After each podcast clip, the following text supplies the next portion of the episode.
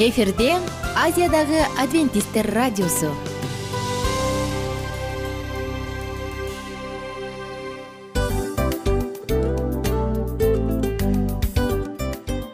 Достор салют. Баардык сүйүктүү угармандарыбызга салам айтабыз. Кутман күнүңүздөр менен.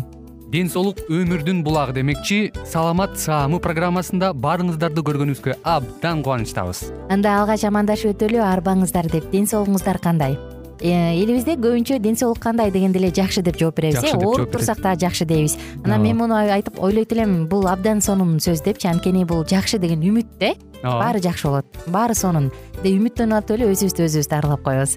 Анысы кандай сиздин дагы ден соолугуңуз жакшы беш деген үмүттөбүз чындыгында ден соолук бул өмүрдүн булагы деп бекеринен айтылган эмес деп ойлойм. Кыргыз элинде анткени эгерде ден соолук жок болсо анда адамдын жашоосунда калган баардык керектүү маңыздуу нерселер өзүнүн баалуулугун жоготуп коет. Ошондуктан ден соолук бул эң керектүү нерсе. Ооба туура айтасың кесиптешим. Чынында ден соолугуң жок бир эки үч күн ооруп калсаң эле кандай болуп калат? Жашоодо көз каранды болуп каласың көп нерсеге жетишпей каласың көп нерсени кыла албай каласың жада калса эшикке дүкөнгө да чыга албай каласың. Туптуура анан ден соолук болсо демек биз биздин бактыбыз тоодой деп койсок болот.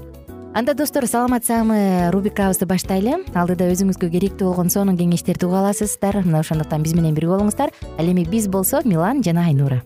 Кеттик алга. Алга саламат саама ден соолуктун жарчысы. Саламат саама ден соолуктун ачкычы. Күн сайын сиз үчүн мыкты кеңештер сонун жаңылыктар кызыктуу фактылар. Биздин рубрикада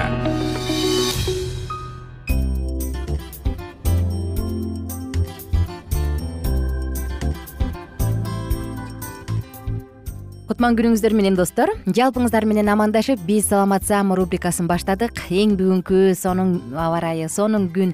Баардыгы тең сиздин сонун маанайыңыз үчүн кызмат кылсын деген тилектемин жана бүгүнкү темабыз эң эле деликаттуу курсак деп аталмакчы ооба достор кадимки эле курсак. Чындыгында курсагы жок экен ии тим эле фигурасы сонун экен деген адамдар бар чоң курсактуу адамдар бар керек болсо бутунун боосун боолой албаган адамдар бар. Айтор мунун баардыгы тең адамдын келбеттүүлүгүнө адамдын сырткы келбетин адамдын иштеген ишин баардыгын көрсөтүп турган нерсе. Анан айымдар өзгөчө төрөттөн кийинки учурда негизи эле жаш өтүп бара жаткан сайын улам курсактын жалпак болушу же болбосо курсактын жок болуп май жок болушу үчүн абдан кам көрүп күрөшүп келет эмеспи. Келиңиздер бул жөнүндө анда алдыда кененирээк сөз кылалы сизге дагы курсак тууралуу маалыматтар кызык болсо анда биз менен бирге болуңуз. Негизи адамдын келбети жөнүндө сөз кылсак бул киши денесинин тынч турганда жана кыймыл убагындагы көнгөн абалы э? Кана өзүңдү бош койчу дегенде кимдир бирөө бүкүрөйүп курсагын чыгарат кимдир бирөө көнгөн боюнча тыкырайып колу денесин колго алат. Адамдын бала кезинен баштап анын өсүү процессинде чоңоюу жана тарбия алуу мезгилинде калыптанып келет келбет туура сакталса адамдын курсагы чыкпайт. Ийиндери бир аз тартылып артка дене бою түз сымбаттуу келет. Мындай келбеттүүлөрдүн басыгы дагы жеңил э өзүбүз да көрсөк керек көп эле. Кыймыл аракети ийкем жана эркин болот. Баардык ички органдары туура жайгашат. Мындай адамдарды караңыздарчы. Эгер адам туура эмес келбетин сактап жүрсө сымбатсыз гана болбостон организмдин иштөөсүнө баарынан мурда да жүрөк өпкө боор жана ичеги карынга жагымсыз таасир тийгизет. Курсакты борсойтуп чыгарып ийиндерди болсо алдыга мынтип бүкүрөйтүп киргизсең ички органдардын баардыгы жабыркайт. Керек караңызчы.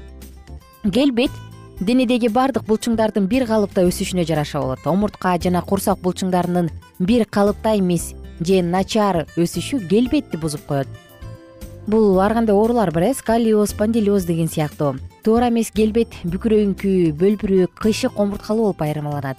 Бүкүрөйүңкү келбетте адамдын көкүрөгү жалпак кууш аркасы дөмпөк башы алдыга жүткүнүп ийиндери салаңкы курсагы чедирекей болот.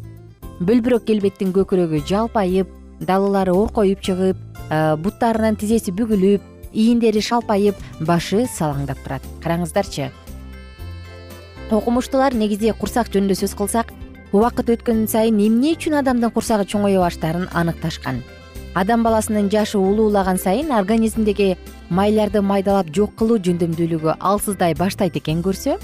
Мындан улам организм майларды териде булчуңдарда ички көңдөйүнүн тегерек четинде пайда сактай баштайт. Майлар көбүнчө адамдын курсак бөлүгүндө топтолот. Бул боор ашказан көк боор ичегилер бар анткени бул бөлүктө топтолгон майларды адамды семирүүгө экинчи түрдөгү кант диабетине метаболисттик синдромго жана сезгенүү ооруларына алып келет. Караңызчы достор маани бербегени менен кандай гана коркунучтуу америка кошмо штаттарынын жана германиянын окумуштуулары профессор виша дип диксенттин жетекчилиги астында изилдөө жүргүзүп картайган чычкандардын ич майларында иммундук б клеткалары көбөйгөндө организмде зат алмашуу системи бузула баштаганын дагы айтышкан эми достор э, курсак кандай болгондо туура кандай болгондо туура эмес. Бул жөнүндө алдыда сөз кылабыз. Жаш организмге инфекция киргенде мисалы б клеткалардын саны көбөйө баштайт. Качан гана инфекция организмде жоголгондо б клетканын саны азайып майлар дагы жоголо баштайт. Жаш жогорулаган сайын аталган клеткалар азайбай курсак бөлүктө топтоло баштайт. Ал өз учурунда албетте семирүүгө жана өнөкөт сезгенүүгө алып келет. Караңыздарчы маани бербейбиз бирок булардын баардыгы биздин ден соолугубузга сөзсүз таасир калтырат э? Курсактын көлөмү жөнүндө сөз кылалы. Ден соолугубуздун көрсөткөн мыкты индикатор бул курсактын көлөмү болуп саналат. Бир гана белдин эле көлөмү эмес курсак тарап дагы абдан маанилүү. Анын көлөмүн биз сан белдин индексинин формуласы менен дагы ченеп алабыз. Эми белдин индекси жөнүндө айтсак. Мырзалардыкы. Эгерде мырзалардын белинин өлчөмү токсон беш сантиметрден аз болсо демек ал норма. Эгер андан бир аз жогорулап токсон алтыдан жүзгө жакындап калган болсо анда белинин индекси туура эмес ал семирип бара жатат эгерде жүз сантиметрден жогору болсо анда мырза семиз болуп же саламаттыгы начар болуп эсептелет. Эми аялдардыкы. Токсон алтымыш токсон деген ыры бар эмеспи анысы кандай? Токсон болушу керекпи же андан аз болушу керекпи? Аялдардыкы сексен сантиметрден аз болсо бул нормалдуу болуп саналат сексен бирден сексен бешке чейин болсо жогорулап баратканда жана сексен беш сантиметрден үйдө болсо жогору же семирүү алдында турат деп эсептелет. Семирип бара жатат деп эсептелет экен мына достор ушундай. Эми киндик тараптан баштап алалы. Э бул дагы маанилүү. Киндик тарапты өзүнчө өлчөйбүз. Өзгөчө кийим тиккен айымдар жакшы билет болуш керек. Баягы мерка снимать этип атканда булардын баарын эске алышат. Киндик тараптан алганда мырзалардыкы жүз эки сантиметрден көп болбошу керек аялдардыкы сексен сегиз сантиметрден көп болбошу керек. Мына достор бүгүн сиздер менен бирге биз курсак жөнүндө сөз кылдык. Эң эле деликаттуу жана адамдын көркүнө көрк кошуп тескерисинче көркүнөн көркүн алып турган бир биздин көрүнүктүү органыбыз жөнүндө сөз кылдык. Достор эмне дейбиз? Эгерде сиздин дагы курсак тарабыңызда белиңиз жак жогору улам эле күндөн күнгө убакыт өткөн сайын жуунуйуп бара жатса демек сиз жогоруда айтып өткөндөй ооруларга чалдыгуу коркунучунда турасыз. Кайсы оорулар? Жүрөк кан тамыр оорулары жогорку артериалдык кан басым метаболисттик синдром жана экинчи кант диабетине чалдыгуу коркунучундасыз. Ошондуктан белди ичке бойдон ал жакта негизи эле курсак бош болбош үчүн болгон аракетти көрөлү алдыңкы уктурууларда биз курсакты кантип ичкертиш керек? Курсактын семирип кетпеши май басып кетпеш үчүн эмне кылыш керек? Мына бул жөнүндө сөз кылабыз. Кээ бир айымдар курсак май басып кеткенде ичиндеги майларды алдырат э. Бул дагы туура эмес ыкма туура эмес процедура. Ошондуктан андан көрө табигый эч зыянсыз жолдор менен арыктоого мүмкүн. Мен болсо угармандар жалпыңыздар менен коштошом. Кийинки алдыдагы уктуруулардан амандашканча сак саламатта туруңуздар. Маанайыңызды эч нерсе жана эч качан чөгөрбөсүн. Бар болуңуздар бай болуңуздар кайрадан амандашканча. Эгерде сиз сулуулуктун камын көрүп аны менен бирге саламаттуу болом десеңиз анда биздин программалар бир гана сиздер үчүн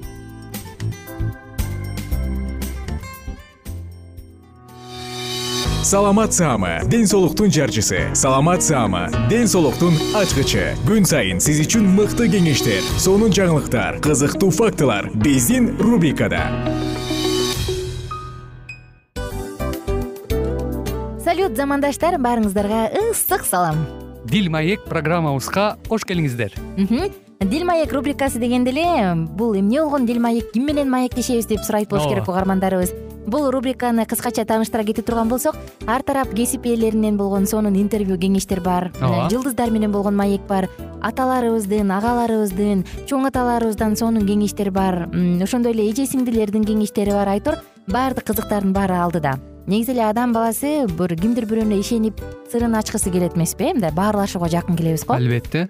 Негизи бир жерге отуруп алып кенен шашпай баягы жүрөктөн жүрөккө ачып сырларыбызды ар кандай көйгөйлөрүбүз менен бөлүшүп баягы чын жүрөктөн маек курганды кимибиз сүйбөйбүз э? Ооба десең ал нерсеге суусап да келебиз да. Ооба кээ бирде адамга чындыгында баягы э, ысык маек баягы жылуу маек жетишпейт да. Ошондуктан биз ушул рубриканы ойлоп тапканыбызда эң биринчи эле достор сиздер менен чын жүрөктөн бир маңыздуу темаларды козгоп кеткени э, кааладык. Ошондуктан ушундай сонун бир рубриканы тартуулап жатабыз. Анын үстүнө радио дагы сонун дос да анткени э, мындай учурда досуңа айтсаң досуң досуна айтат досу досуна айтат да анан бүт өлкө билип калышы мүмкүн го а радио болсо сени сатпаган сенин айыбыңды ачпаган. Сенин сырыңды эч кимге айтпаган сонун дос ошондуктан биздин алдыдагы айта турган кеңештерибизди биздин досторубуздун кеңештерин угуп анан ал жака пикириңизди дагы калтырып кайрадан биз менен байланышсаңыздар болот. Деги эле жашооңузга эгерде кичине болсо дагы өзгөрүү алып моралдык жактан нравовик жактан сонун бир кеңештерди алсаңыз демек биз максатыбызга жеттик. Ооба чыңгыз атабыз улуу жазуучу э, чыңгыз айтматов айткандай адам болуу бул күнүмдүк процесс экен. Күн сайын адам бойдон калуу бул адамзатка эң эле кыйын дейт э? э эң кыйын дейт. Чындыгында бунун негизинде адамдын эң баягы сапаттуулугу адамдын э, адамгерчилиги жана көптөгөн керектүү нерселер. Мына ошол темалар дагы бизде э, ушул дил маекте биз аларды да козгойбуз. Ден соолук жөнүндө да сүйлөшөбүз. Сөзсүз түрдө. Анан милан мырза негизи айтып коюшат го биз көбүнчө эмнени ойлонсок? Ошол нерсеге карата иш кылабыз го. Ооба. Анан анысы кандай? Балким бул радио баракчада кимдир бирөөнүн оюн текшергенге жардам берет кимдир бирөөнүн жүрөгүн текшергенге жардам берет. Балким кимдир бирөөгө жашоонун маңызын тапканга жардам берет айтор кызыктын баары алдыда бул жөн гана кыскача жарнама анда угармандарыбыздын баардыгын кийинки рубрикабызга чакырабыз. Ал эми кызматта маңдайымда отурган кесиптешим милан жана мен айнура. Анда эмесе биз даярдаган терең терең ойлор менен таанышууга кеттик. Алыс алыс баралык анда эмесе достор биз менен бирге болуңуздар. Алдыда эң кызыктуу маалыматтардын баардыгы бир нече мүнөттөр бою жалгыз гана сизге арналат. Мына ошондуктан жакшы маанай менен угууну каалайбыз. Үн алышканча. Жөнөдүк. Ар түрдүү ардактуу кесип ээлеринен алтын сөздөр жүрөк ачышкан сыр чачышкан сонун маек дил маек рубрикасында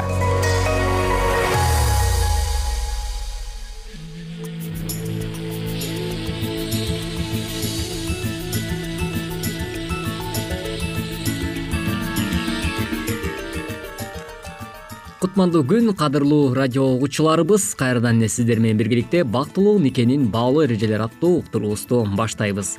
Микрофондо кайрадан эле кызматыңыздарда аты жөнүм улан кубанычбеков. Жана ошондой эле менин кесиптешим. Саламатсыңарбы жана мен асель мамбетова урматтуу угармандарыбыз бүгүнкү программабыздын темасы биз кайрадан эле үй бүлө жаатына багытталган э, бала тарбиялоо жаатындагы бир нече кеңештерибиз менен э, бөлүшөбүз бүгүнкү уктуруубузда тактап айтканда программабыздын негизги темасы бала тарбиялоодогу деги эле негизги принциптер. Балага кай жерден кантип чек коюу керек? Кандайдыр чектөөлөр тыюулар болбосо? Коомдо баш аламандык болуп ким каалаган өз билгенин жасап бирөө экинчиси бирөөнүн укугун тебелеп чар жайыттык өкүм сүрөт. Чектөө болбосо тарбиялап жаткан баланын абалы деле ушуга өңдөшүп кетет.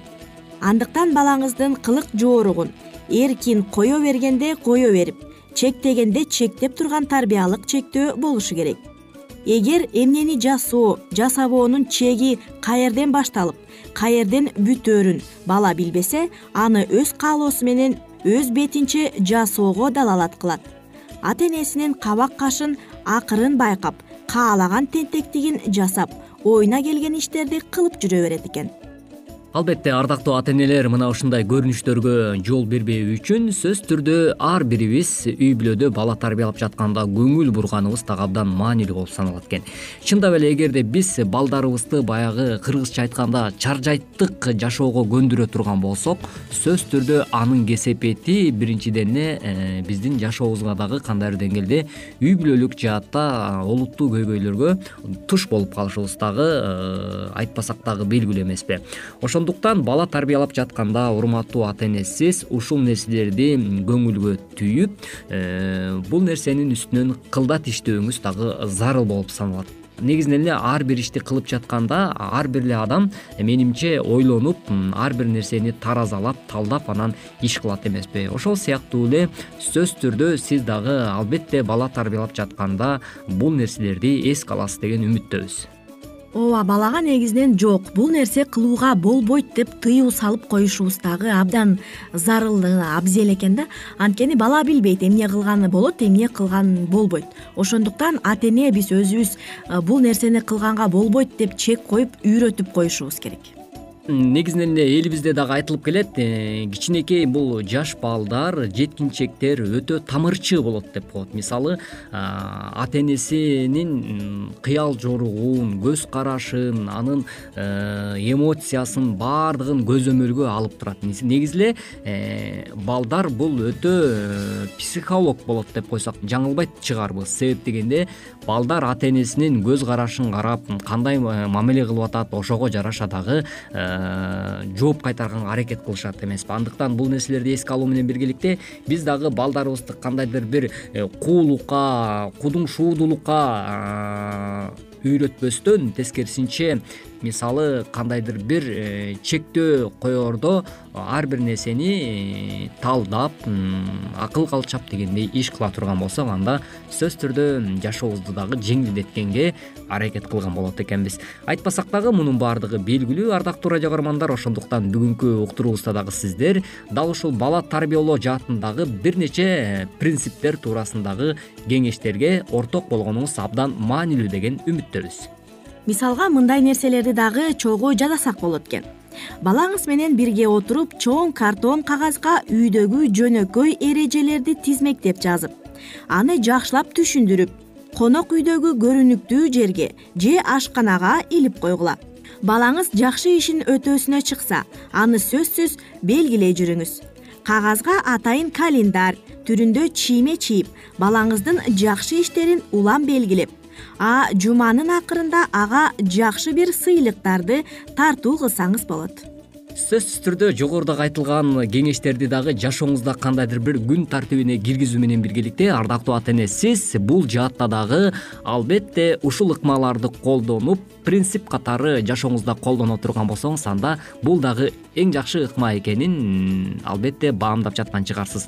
Негизинен эле кесиптеш ушул нерсе мага дагы жакты э, чындап эле ушул ыкмаларды ар бирибиз эле жашообузда колдонсок э, жакшы болуш керек. Мисалы бала тарбиялоодон сырткары деле күнүмдүк өзүңдүн жашооңо деле мүмкүн келинчегиң менен болгон үй бүлөдөгү мамиледе деле кандайдыр бир аял менен эркектин ортосунда дагы бул жакта дагы мисалы э, бири бирибизге карата болгон жоопкерчилик мамилелер бар эмеспи ошол нерселерди кылып кадимкидей эле күн тартибине киргизип э, календарды белгилеп коюп анан айдын аягында өзүңдүн жашооңо бир анализ берип ошол эле балдар менен болгон мамиледе деле ушул нерсени кылып анан э, жыйынтыгында сөзсүз түрдө бири бирибизге белектерди арнай тура турган болсок албетте бул кубанычтуу болуш керек. Мисалы ушунун натыйжасында үй бүлөлүк бир гармония бекемделет деген менде ой жаралды да. Сен кандай дейсиң? Туура бул чын эле эң сонун нерсе экен. Анан үй бүлөнүн дагы мындай чогуу олтуруп ошол бир айлык анализ жасап анан кичинекей майрам сыяктуу дагы мындай мероприятие кылсаңыз дагы эң сонун болот окшойт сөзсүз түрдө мына ушул нерселерди колдоно турган болсоңуз анда сиз бактылуу никенин баалуу эрежесинде жашап жатканыңыздан э, кабар бермекчи. Ардактуу радио каармандар сөзсүз түрдө жашооңузда никеңиз түбөлүктүү жана ошол эле учурда бала тарбиялоодо деле негизинен эле кандай гана кырдаал болбосун сиздердин никеңиздер түбөлүктүү болсун деген тилегибизди билдирүү менен. Мына ушинтип бизге бөлүнгөн убакыт дагы өз соңуна келип жетип калды. Кадырман радио каармандарыбыз бүгүнкү программабыздын чыгарылышында сиздер бала тарбиялоо жаатындагы бир нече принциптерди жашообузда кантип колдоно алабыз ушул туурасындагы кеңештерге кулак сала алдыңыз. Уктуруубузга назар бурганыңыз үчүн ыраазычылык билгизебиз. Кайрадан эле биз сиздер менен дал ушул аба толкундан үн алышканча сиздер менен коштошууга аргасызбыз. Эмки берүүдөн кайрадан эле бактылуу никенин баалуу эрежелери аттуу уктуруубуздан кезишкенче ар бириңиздердин үй бүлөңүздөрдө тынчтык жашогосун сак саламатта калыңыз. Ар түрдүү ардактуу кесип ээлеринен алтын сөздөр жүрөк ачышкан сыр чачышкан сонун маек дил маек рубрикасында.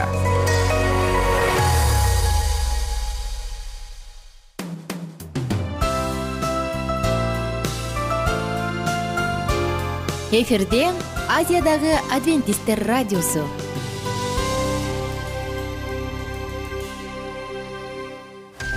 жан дүйнөңдү байыткан жүрөгүңдү азыктанткан жашооңо маңыз тартуулаган жан азык рубрикасы.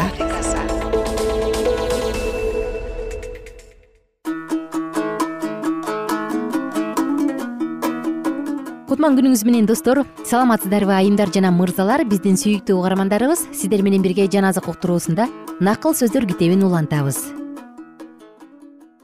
Сулаймандын накыл сөздөрү сегизинчи бөлүм он бешинчи аяттан ары улантабыз. Падышалар менин жардамым менен бийлик кылышат. Өкүмдарлар менин жардамым менен чындыктын негизинде мыйзам чыгарышат. Башчылар да төрөлөр да жер жүзүндөгү башкаруучулар да менин жардамым менен башкарышат. Мени сүйгөндөрдү мен да сүйөм. Мени издегендер мени табышат.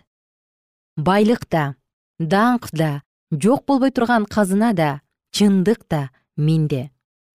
Менин жемишим алтындан эң таза алтындан артык. Тандамал күмүшкө караганда менден пайда көп. Мен чындыктын жолу менен адилеттиктин жолу менен жүрөм. Мени сүйгөндөрдү чыныгы байлыкка жеткирем алардын казыналарын толтурам теңир мени өзүнүн жолунун башталышында эле бардыгын жарата электен мурун эле эзелки убакта эле жараткан.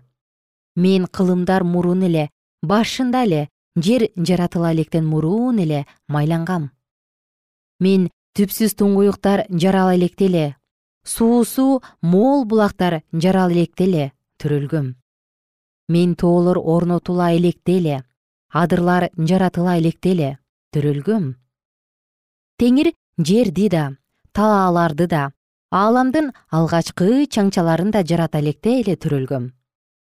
Теңир асманды даярдай баштаганда мен ошол жерде болчумун.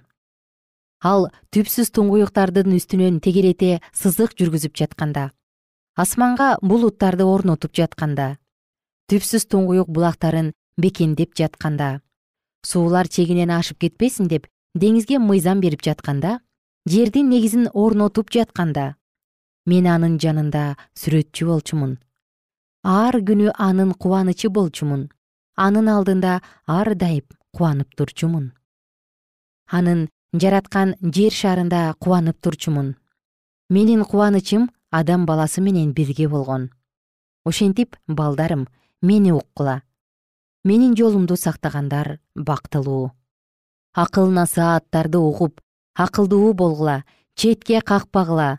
Ар күнү менин дарбазамдын жанында сергек болуп эшигимдин алдында сакчылыкта туруп мени уккан адам бактылуу. Анткени мени тапкан адам өмүрдү тапты. Ал теңирден ырайым табат. Ал эми мага каршы күнөө кылган адам өз жанына зыян келтирет. Мени жек көргөндөрдүн бардыгы өлүмдү жакшы көрүшөт тогузунчу бөлүм. Акылмандык өзүнө үй куруп анын жети мамысын жонуп жылмалады. Курмандык мууздап шарап ачытып өзүнө дасторкон даярдады. Өзүнүн кулдарын шаардын бийик жерлеринен жар салууга жөнөттү. Ким акылсыз болсо бул жакка кайрылсын кем акылга ал мындай деди. Келгиле менин нанымды жегиле мен ачытып койгон шарапты ичкиле. Акылсыздыкты таштагыла жашагыла акылдын жолу менен жүргүлө.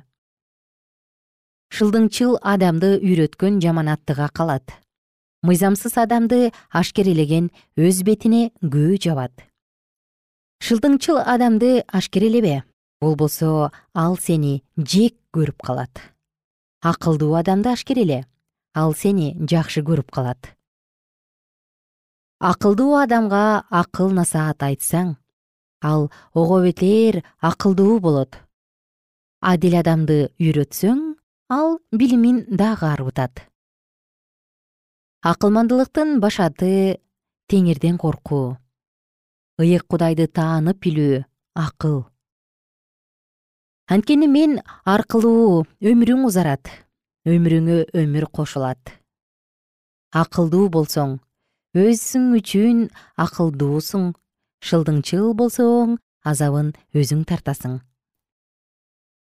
Ойлонуп иш кылбаган чуулгандуу акылсыз эч нерсе билбеген аял.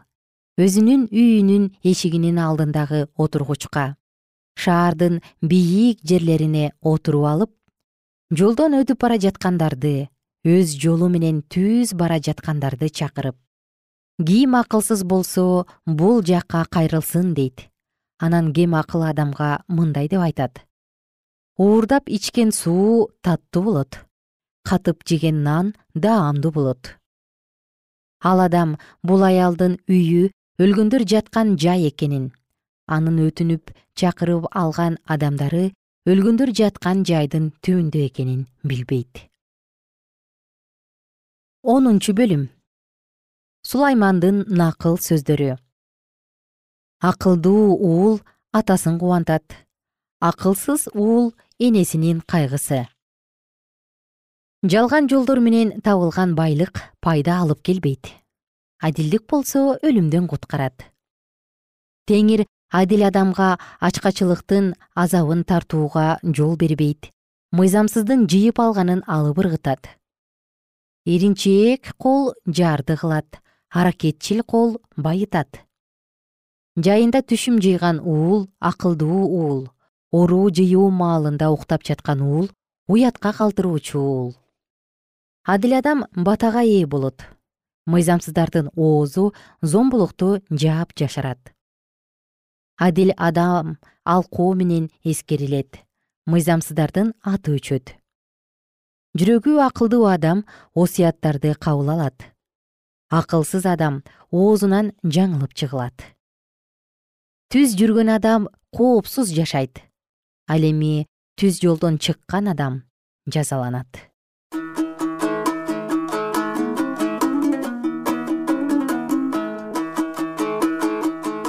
Кымбаттуу достор сиздер менен бүгүн дагы сулаймандын накыл сөздөрүнөн бир нече сонун аяттарды алтын сөздөрдү адамга таалим тарбия берип өмүрдүн чындыгын ача турган туура багыт бере турган сөздөрдү окудук.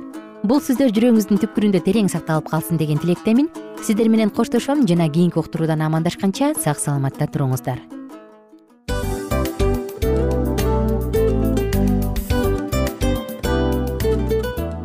Ушул менен достор программабыздын уктуруубуздун эң кайгылуу мөөнөтүнө келип жеттик кайгылуу дегенде ыйлагым келип кетти кесиптеш. Кадимкидей. Анткени баягы учурашасың анан коштошуу учур келгенде ии ай кантип ии эми бат баттан келиптир э сагындырбай деп атып араң коштошобуз го?